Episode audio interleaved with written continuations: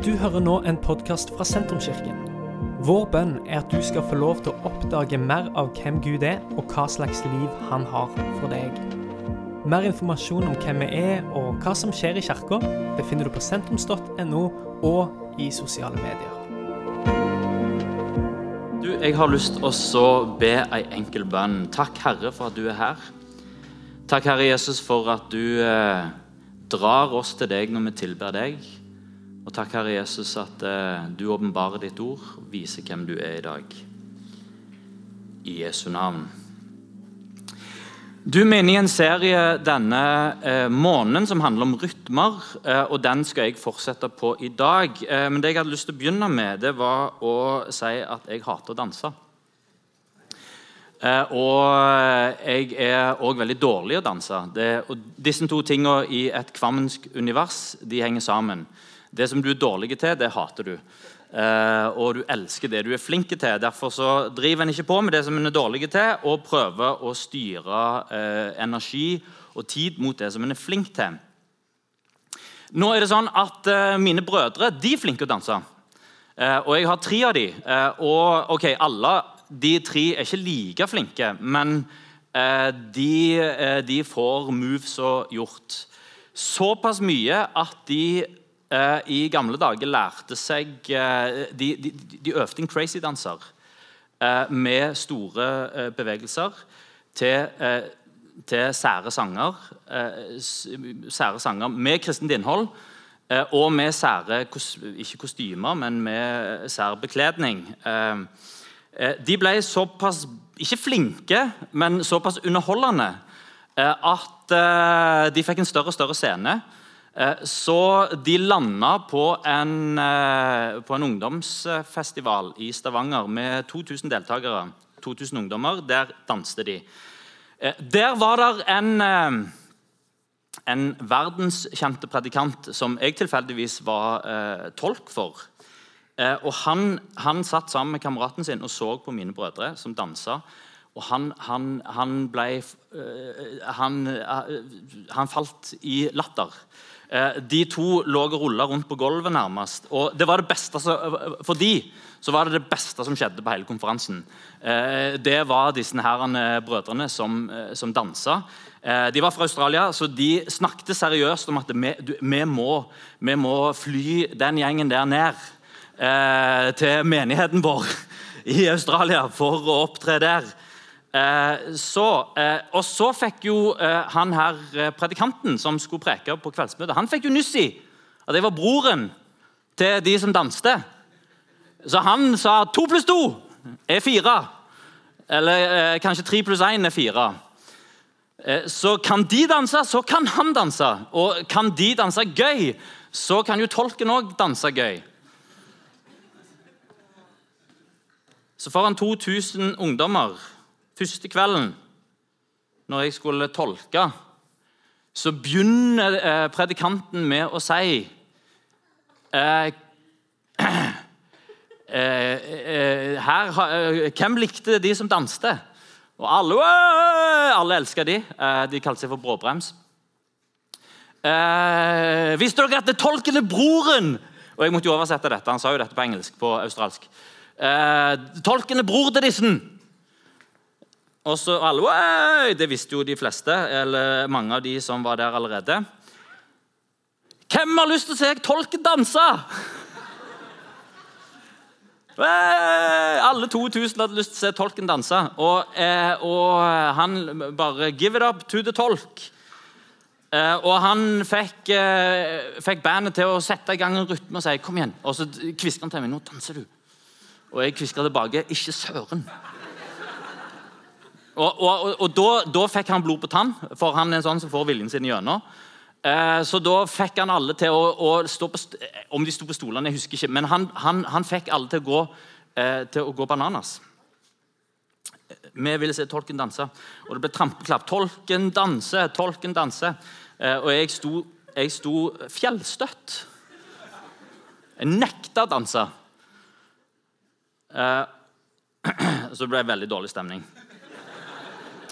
og jeg vant. Jeg vet ikke om det var verdt det. eh, Men, eh, og jeg redda jo ikke ansikt, for eh, det var jo kanskje ikke Det framsto jo akkurat ikke som en, party, som en partytolk.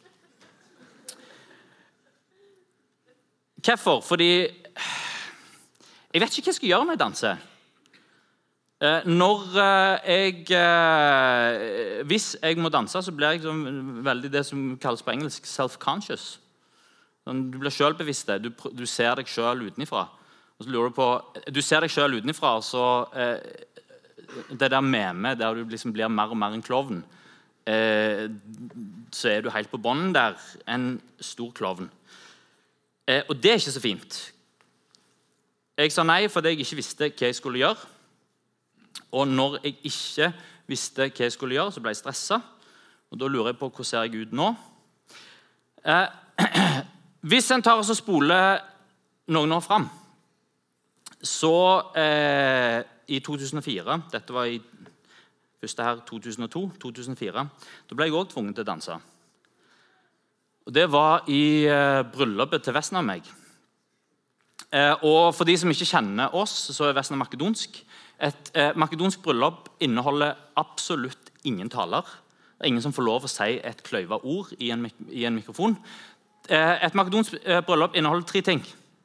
Eh, ja, ja, eh, jo, det Der er flere ting òg, vi skal ikke komme inn på det. Eh, egentlig så inneholder det to ting. Eh, kun mat og dansing. Ingenting annet. Eh, så, og dette, dette visste jo ikke jeg før dagen før bryllupet. Eh, da, var det som, da kom det fra Vesna i, sånn, i liksom en sånn liten sånn bisetning. At eh, ja, eh, i morgen må du danse. Eh, det, det var sjokk. Eh, ja, men jeg kan ikke danse. Ja, men du må danse. For eh, det er, det er trag, de tragiske bryllupene det er de bryllupene der brudgommen ikke danser. Så du er nødt. Eh, ok, men da, hvordan skjer, og, og da roer vesten min ned og sa men dette går bra. Fordi eh, det er ikke vanskelig. Eh, det er eh, veldig lett. Og så satte du på makedonsk folkemusikk. Eh, jeg har jo glemt av nå, men eh, det er én, to, tre Altså en liten sånn.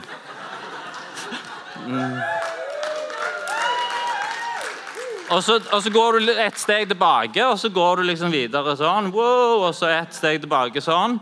Jo, nå, nå er det, og så holder du i hendene sånn. Woohoo! Altså, egentlig så hadde jeg planlagt å ta på makedonsk folkemusikk og så vise dette her for opp på eh, Kjempelett! Det tok meg ca. en time å lære, eller kanskje litt lenger. Eh, og så, eh, og vi gjorde det jo, og, og, og du kan lære det uten musikk òg. Eh, vet du hva? Tre skratt fram eh, og et lite spark.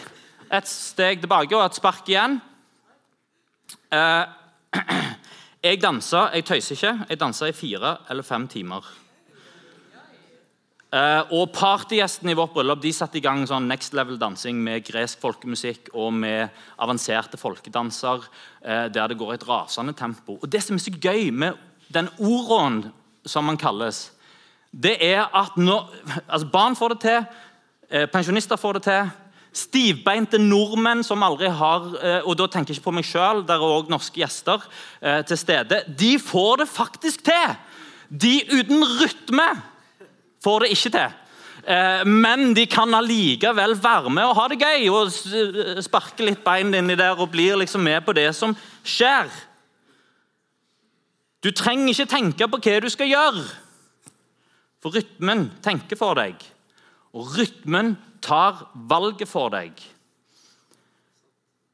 Den dansen jeg lærte der, denne oroen, time å lære, trenger ikke være ekspert.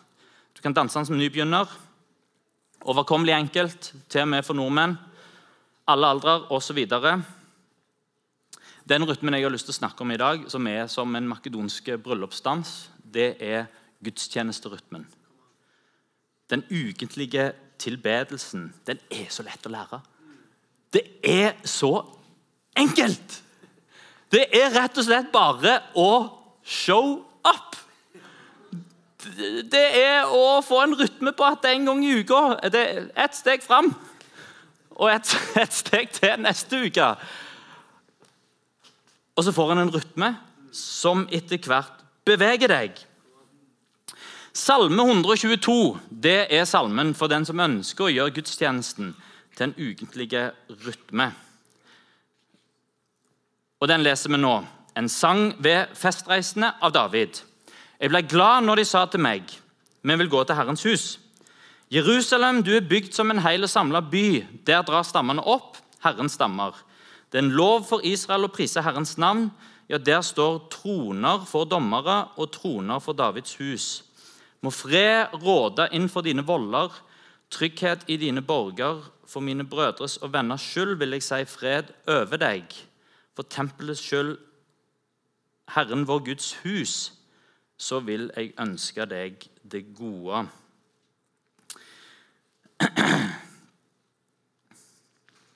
Dette er tilbedelsessalmen. Det er en del av salmene til festreisende. så dette er, og Det er salme 120, eh, fra salme 120 og utover til salme 135, eller hva det er for noe. Det husker jeg ikke helt. Eh, salmene som ble sunget ved festreisende. Festreisende det var når israelsfolket som ikke bodde i Jerusalem sjøl, som bodde i bygdene rundt og byene rundt, når de på høytiden skulle dra til Jerusalem, så ble selve liksom, eh, Det ble sånn så, så og vi så når til kirken vi går. altså det, eh, den, den, den, turen til Jerusalem for å tilbe ble en del av tilbedelsen. Og så sang de disse sangene her, eh, som var sanger til festreisende. Eh, og Her står det om Jerusalem som er en hel og samla by, som, og der stammene drar. Jerusalem var det geografiske midtpunktet for Israel eh, og administrasjonssenteret for landet. Men så var det òg tilbedelsessenteret. Eh, og Det trenger en å forstå når en leser Gammeltestamentet, at den gammeltestamentlige tilbedelsen den var sentralisert. Den handla ikke om her og der og, og, og alle steder, men den handler om Jerusalem og den handler om tempelet. Og Hele måten som Jerusalem var bygd på, med tempelet i sentrum og svær åpen plass og murene og alt Vakker by som er bygd eh, eh, eh, Hva det står for noe? Der, der, han, han er, der står at han er vakkert. Eh, du, du, du, en, en, du, er bygd som en hel og samla by. og Det er oversettelser som sier han er bygd vakkert. og Det henger, det henger sammen. Det er struktur i det. Og Hele byen og tempelet er en representasjon for folket sitt forhold til Gud. Tempelet, der bor Gud. Det er ikke sånn at ja, Gud sitt nærvær er bare der i tempelet, men det blir en representasjon for at Gud er, han bor midt iblant sitt folk. Og der drar en for å tilbe. Der drar en for å møte Gud og for å erfare denne freden, denne eh, shalom. Byen er bygd hel og samla, velbygd. Og Tempelet og tilbedelsen er integrert inn i byen, sånn at det framstår som samla, og alt glir på en måte inn i hverandre. En arkitektonisk metafor for tilbedelse. Et rammeverk for folket. En drog der for å tilbe. Hvis Jerusalem var rammeverk for livet og tilbedelsen i det gamle Israel, så kan den ukentlige tilbedelsen av Gud sammen med et fellesskap som tror, være en fortsettelse av sånne rammer. Å ha rammer for livet det er veldig sunt.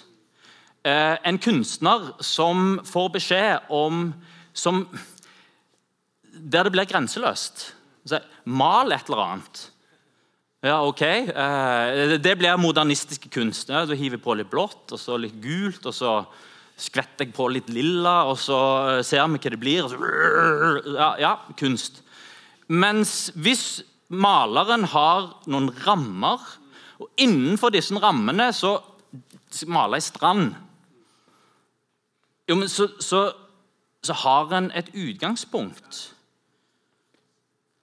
Jeg tror vi lever i en tid der noen av rammene våre sklir ut, og der vi mister dette her som gjør livet vårt kanskje litt forutsigbart og kjedelig på noen ting, men som òg gjør at en kommer inn i en rytme der du slipper å ta valg hele tida. Tilbedelse ukentlig gir livet gode rammer. Husk det. En ukentlig rytme på gudstjeneste og tilbedelse det gir glede. David sier ble glad når de sa 'la oss gå til Herrens hus'. Eh, og Da er det noen som ser det og så ta, gjør en sånn følgefeil. Og så tenker en gudstjenesten må være uimotståelig gøy og inspirerende hver eneste gang. Eh, der er flere kirkevekstbøker som løfter det fram som et viktig premiss for kirkevekst.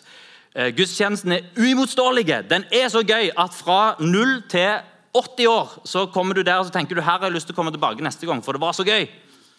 Og det er noe med dette som er fint, for kirka vokser når de som kommer, tenker at her må jeg komme tilbake. Men gudstjeneste og tilbedelse er ikke underholdning. Og vi må ikke spille på lag med forbrukermentaliteten i samfunnet vårt. For det vil prege måten vi ser på Gud. Gud er ikke underholdning. Gud er ikke ja, La oss få alle til å kitte dem litt og få dem til å le litt. Og, og, så tror jeg det står i fare for å slite ut både kirkeledere og frivillige. Når forventningene etter hvert blir så høye at hvis det ikke er uimotståelig gøy, da gidder jeg ikke. De som vokser opp og som sier til mor og far det var kjedelig å gå i kirka, og så sier mor og far nei, nei, nei, nei, ikke kjedelig. Og så eh, eh, Neste uke så må vi sørge for at det ikke er kjedelig. For det blir helt feil. Vi skal gjøre tilbedelse med kreativitet. Og vi skal gi vårt beste i tilbedelse for at det skal være kvalitet og for at det skal være skikkelig. Men gleden over å tilbe sammen den kommer fra et helt annet sted. Det er ikke glede over at pastoren er standup-komiker og at musikken er verdensklasse. Men det er en glede i å ramme inn livet i tilbedelse. Det er en glede over rytmen som tilbedelsen gir. Og vet du hva? Den gleden den viser seg igjen i forskning. Et aktivt gudstjenesteliv har direkte innvirkning på lykke og tilfredshet. Og Det kan være at det er kobla, eh, sier forskere som eh, forsker på dette. Det kan ha opplevelse av mening, det kan være opplevelse av tilhørighet og fellesskap. Opplevelse av å være elsket og akseptert. Noe av det som Benjamin sa, er akseptert for den du er. Eh, bli tatt imot og omfavna.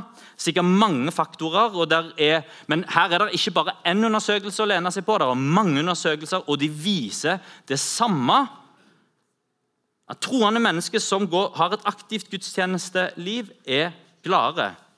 Og Jo oftere du går, jo gladere blir du. Og Det gøyeste er at det gir helsegevinst òg.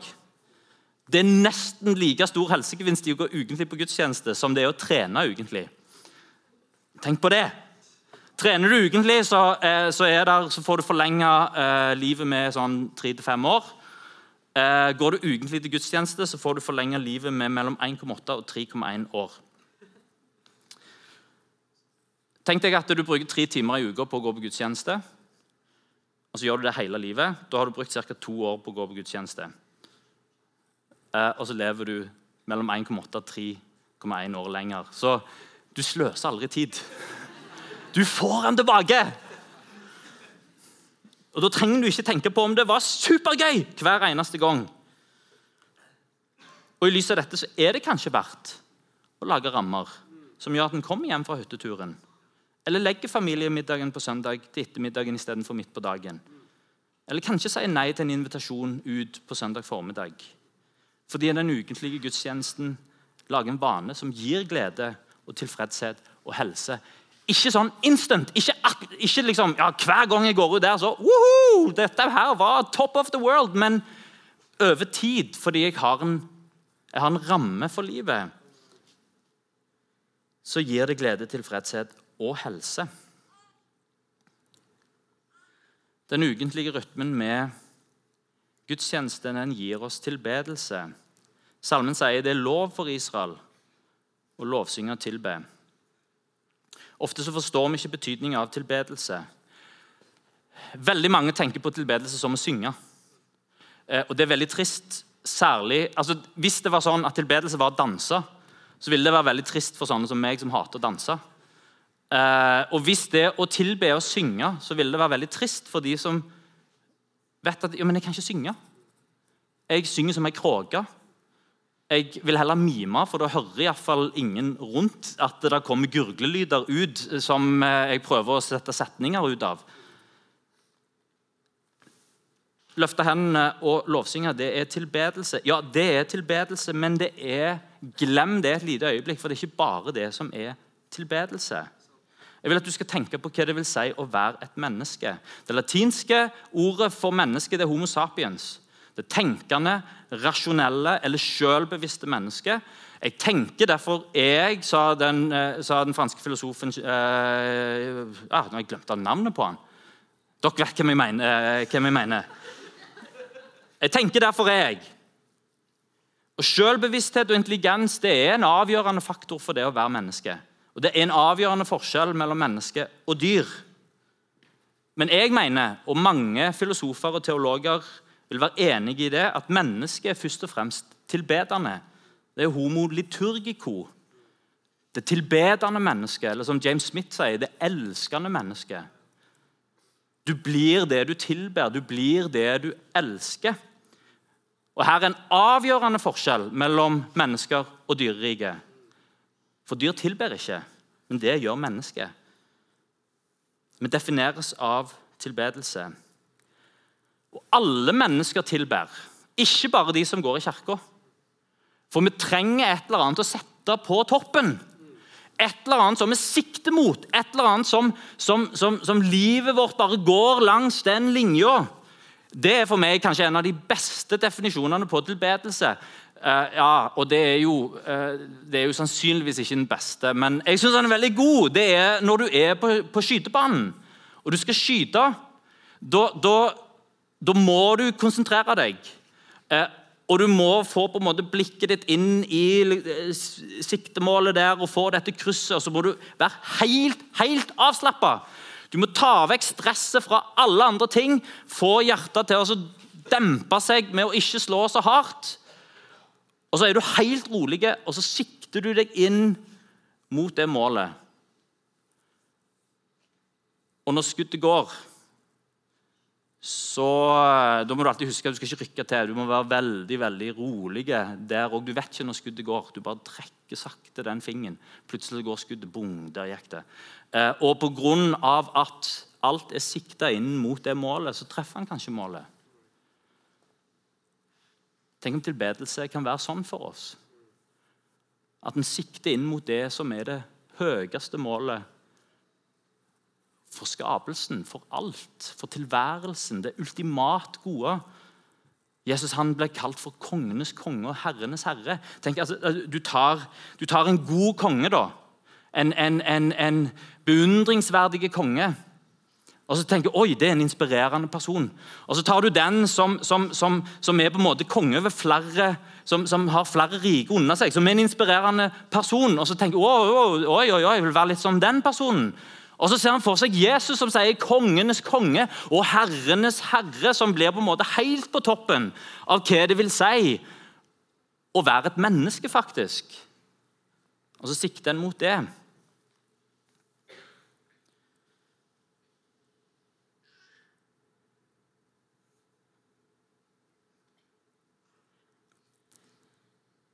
Tilbedelse er beundring, og tilbedelse er oppmerksomhet og fokus. Tilbedelse er et siktemål.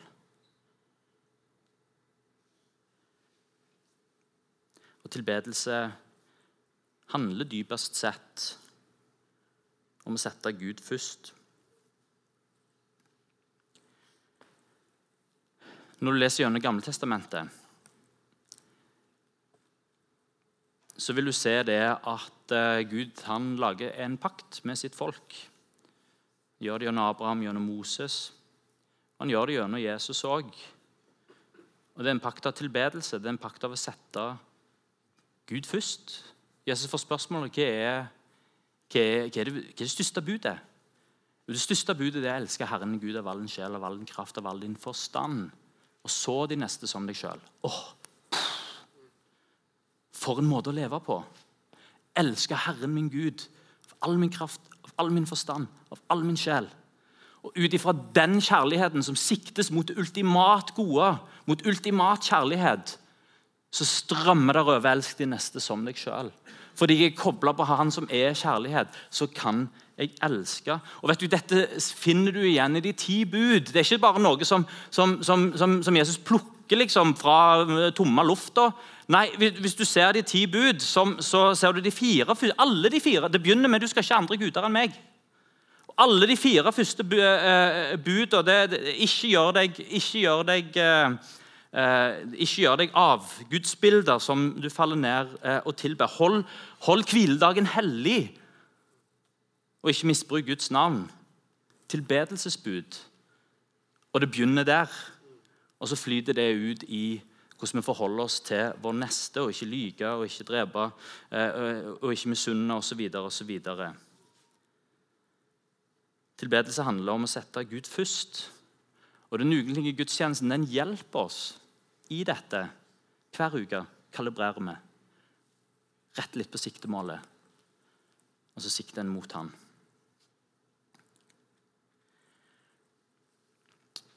Så avslutter vi med at vi er beveget til en ukentlig rytme. Det står her i salmen at det er fred innenfor dine murer. De som skal til Jerusalem for å tilbe Jerusalem, så finner de fred innenfor Jerusalem, eh, eh, Jerusalems murer. Og De tre første tingene som jeg har snakket om her, det å få en god ramme, det, eh, det å finne glede eh, på lang sikt, eh, det å, å, tilbe, bestemme seg for å tilbe og sikte mot Gud, det har med min bestemmelse eh, å gjøre. Jeg kan, På samme måte som jeg kan bestemme meg i et makedonsk bryllup for å reise meg og, eh, og ta steget og være en del av dansen fordi det er Jeg får det til. Jeg vet hva jeg skal gjøre. Så kan vi bestemme oss for å gjøre tilbedelse gjennom en ukentlig Guds eh, show up. Vær til stede. Og så forme seg mot det som jeg får en rytme som gir tilfredshet, glede, helse jeg former livet, jeg formes mot det som jeg tilber. Og sikter livet mot det jeg tilber. Jeg blir det som jeg tilber. På sikt så blir du det du tilber. Derfor er bestemmelsen viktig. Den som vil være, og Dette er min påstand, du trenger ikke være enig i den. Altså, du eh, eh, han gjerne. Eh, tenk, ok, Den hørte jeg nå, den hiver jeg vekk. Den, eh, det var bare Breiven som sa. Men eh, ok, jeg sier det likevel. Kanskje en viktig, og hører at de sier 'kanskje' først. Sant? Så det, det, er sånn akademisk Nei, men jeg sa ikke det er sånn. Jeg sa kanskje. Kanskje er det sånn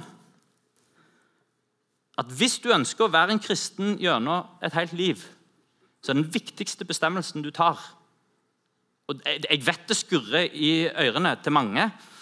Og jeg, jeg, jeg, har ikke liksom Jeg har bare på Reivens anekdoter for å bygge dette opp ikke forskning.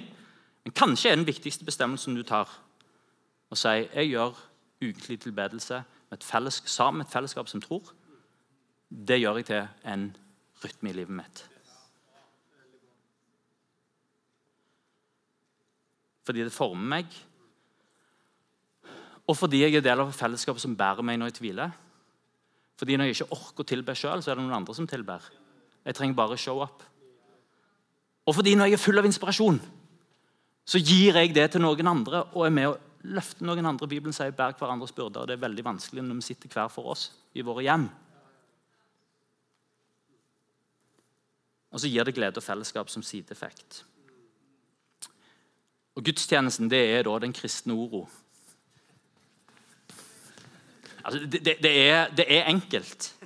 Jeg vet det er folk som som, som strever med daglige andre, eh, det, det, daglige andagslivet. Hva skal jeg gjøre når jeg setter meg for å be? Jeg vet ikke hvordan jeg skal be skikkelig. Og Det kan være en trening med noen av de åndelige disiplinene. Men her, her, her har du en Vær så god. Den, den ligger på sølvfat. Det er en oro. Bli med i gudstjenestefellesskapet. Kom sammen og tilbe. Og du kan begynne nå.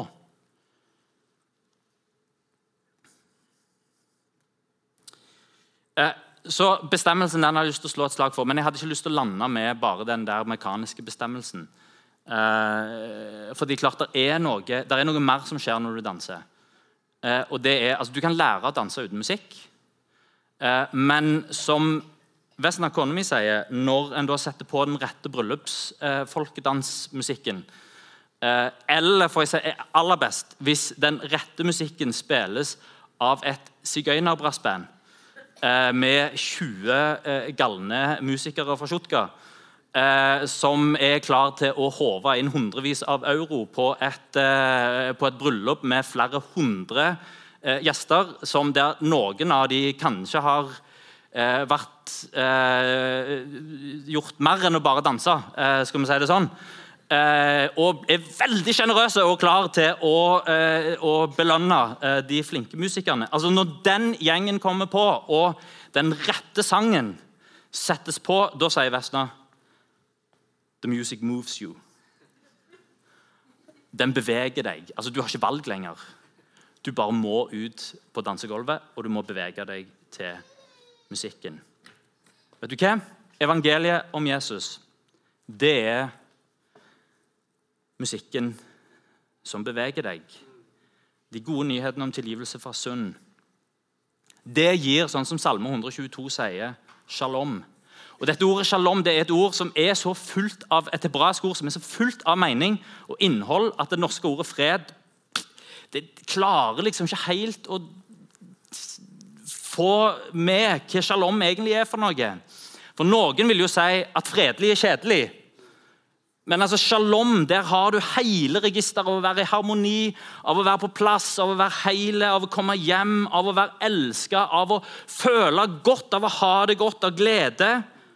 Av lykke, kanskje til og med.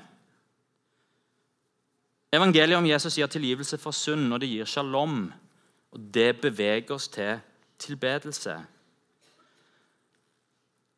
Ordet synd, Forståelsen av ordet synd i norsk kontekst er moralsk svikt Å ikke klarer å leve opp til egne idealer og bryte loven, kanskje.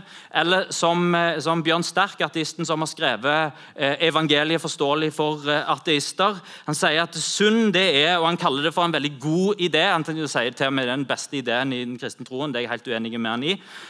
Men den gir en beskrivelse av det vi alle oppfører, opplever. Og så sier han at det synd det er å påføre andre mennesker lidelse. Og Inntrykket av når en leser Bibelen, er eh, Gud som påpeker, et sånn moralsk forfall, og som kaller oss til en omvendelse fra synd. Men når en ser litt nøye etter Gud gjør det.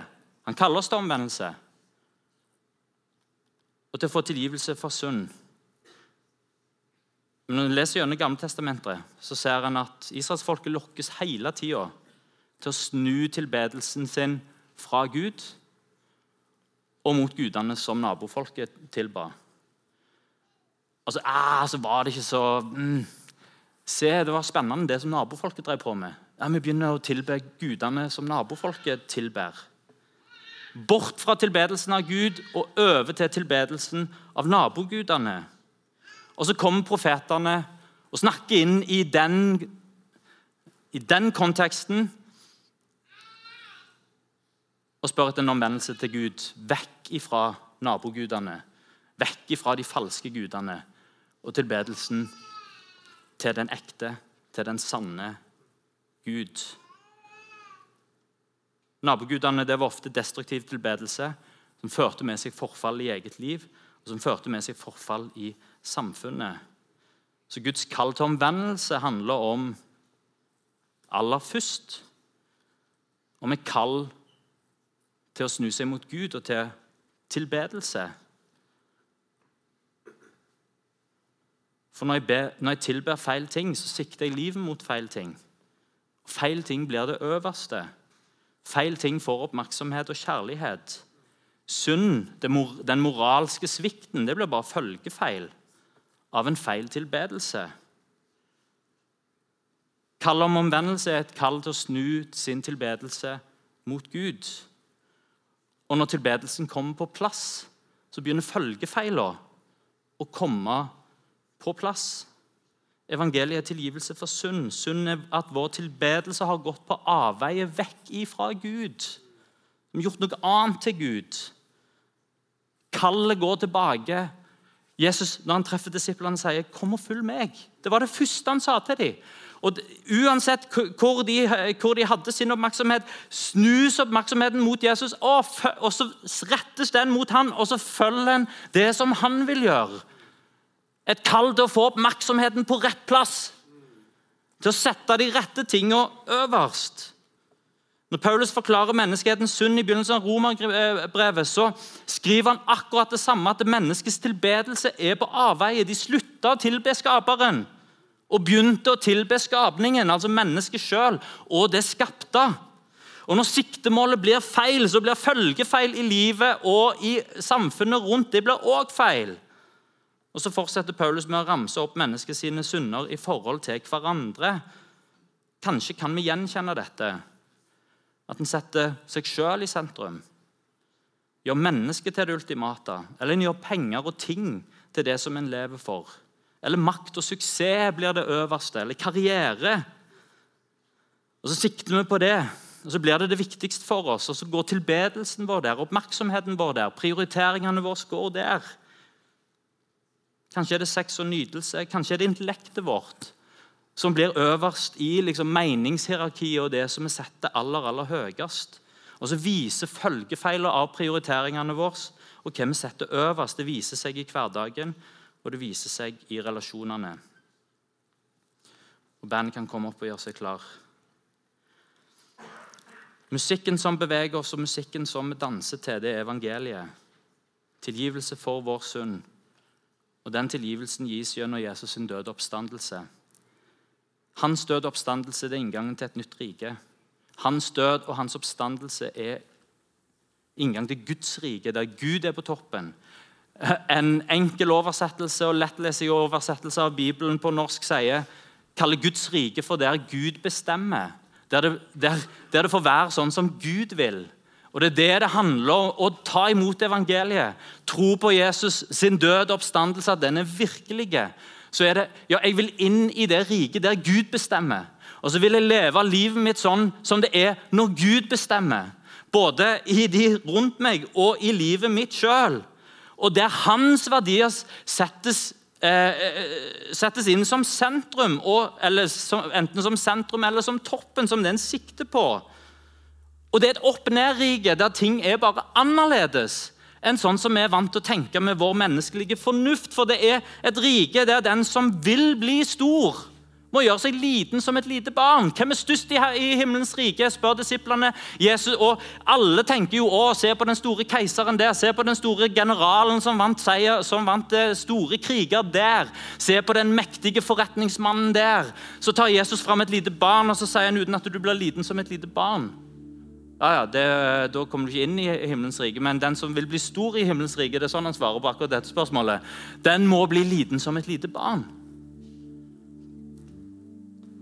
Jesus begynner med å si den eh, bergpreken, den ydmyke skal arve jorda. Hæ? Det stemmer jo ikke. Den mektige skal arve jorda. Ikke der Gud bestemmer. Der er det den ydmyke som arver jorda.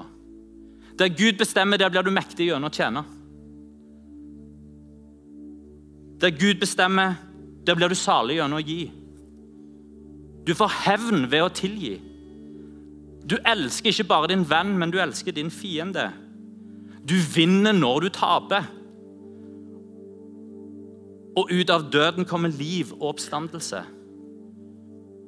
Død og sunn ondskap er overvunnet.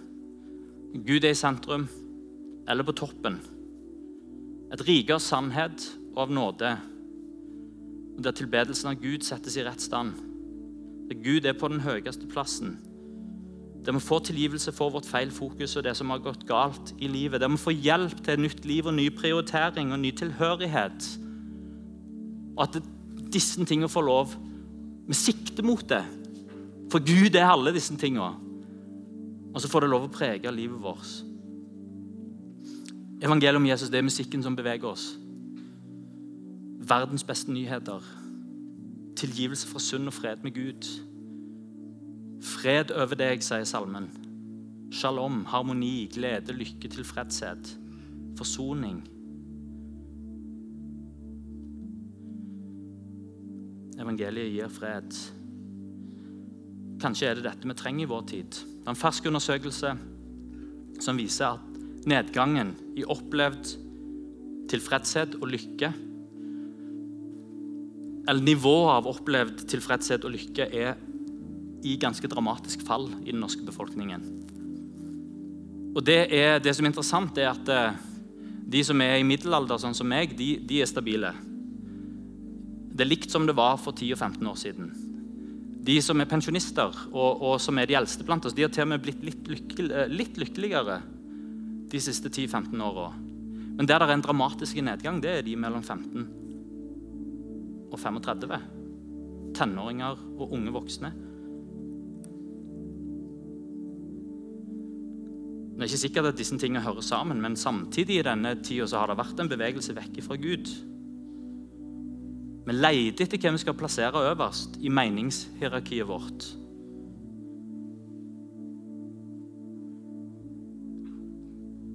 På lang sikt så sikter vi oss lykkelige når vi sikter mot Gud. Det er ikke sikkert at det betyr hver uke så er du kjempehappy etter å ha tilbedt sammen med kirka. Noen ganger så går en gjennom perioder som er vanskelige uansett.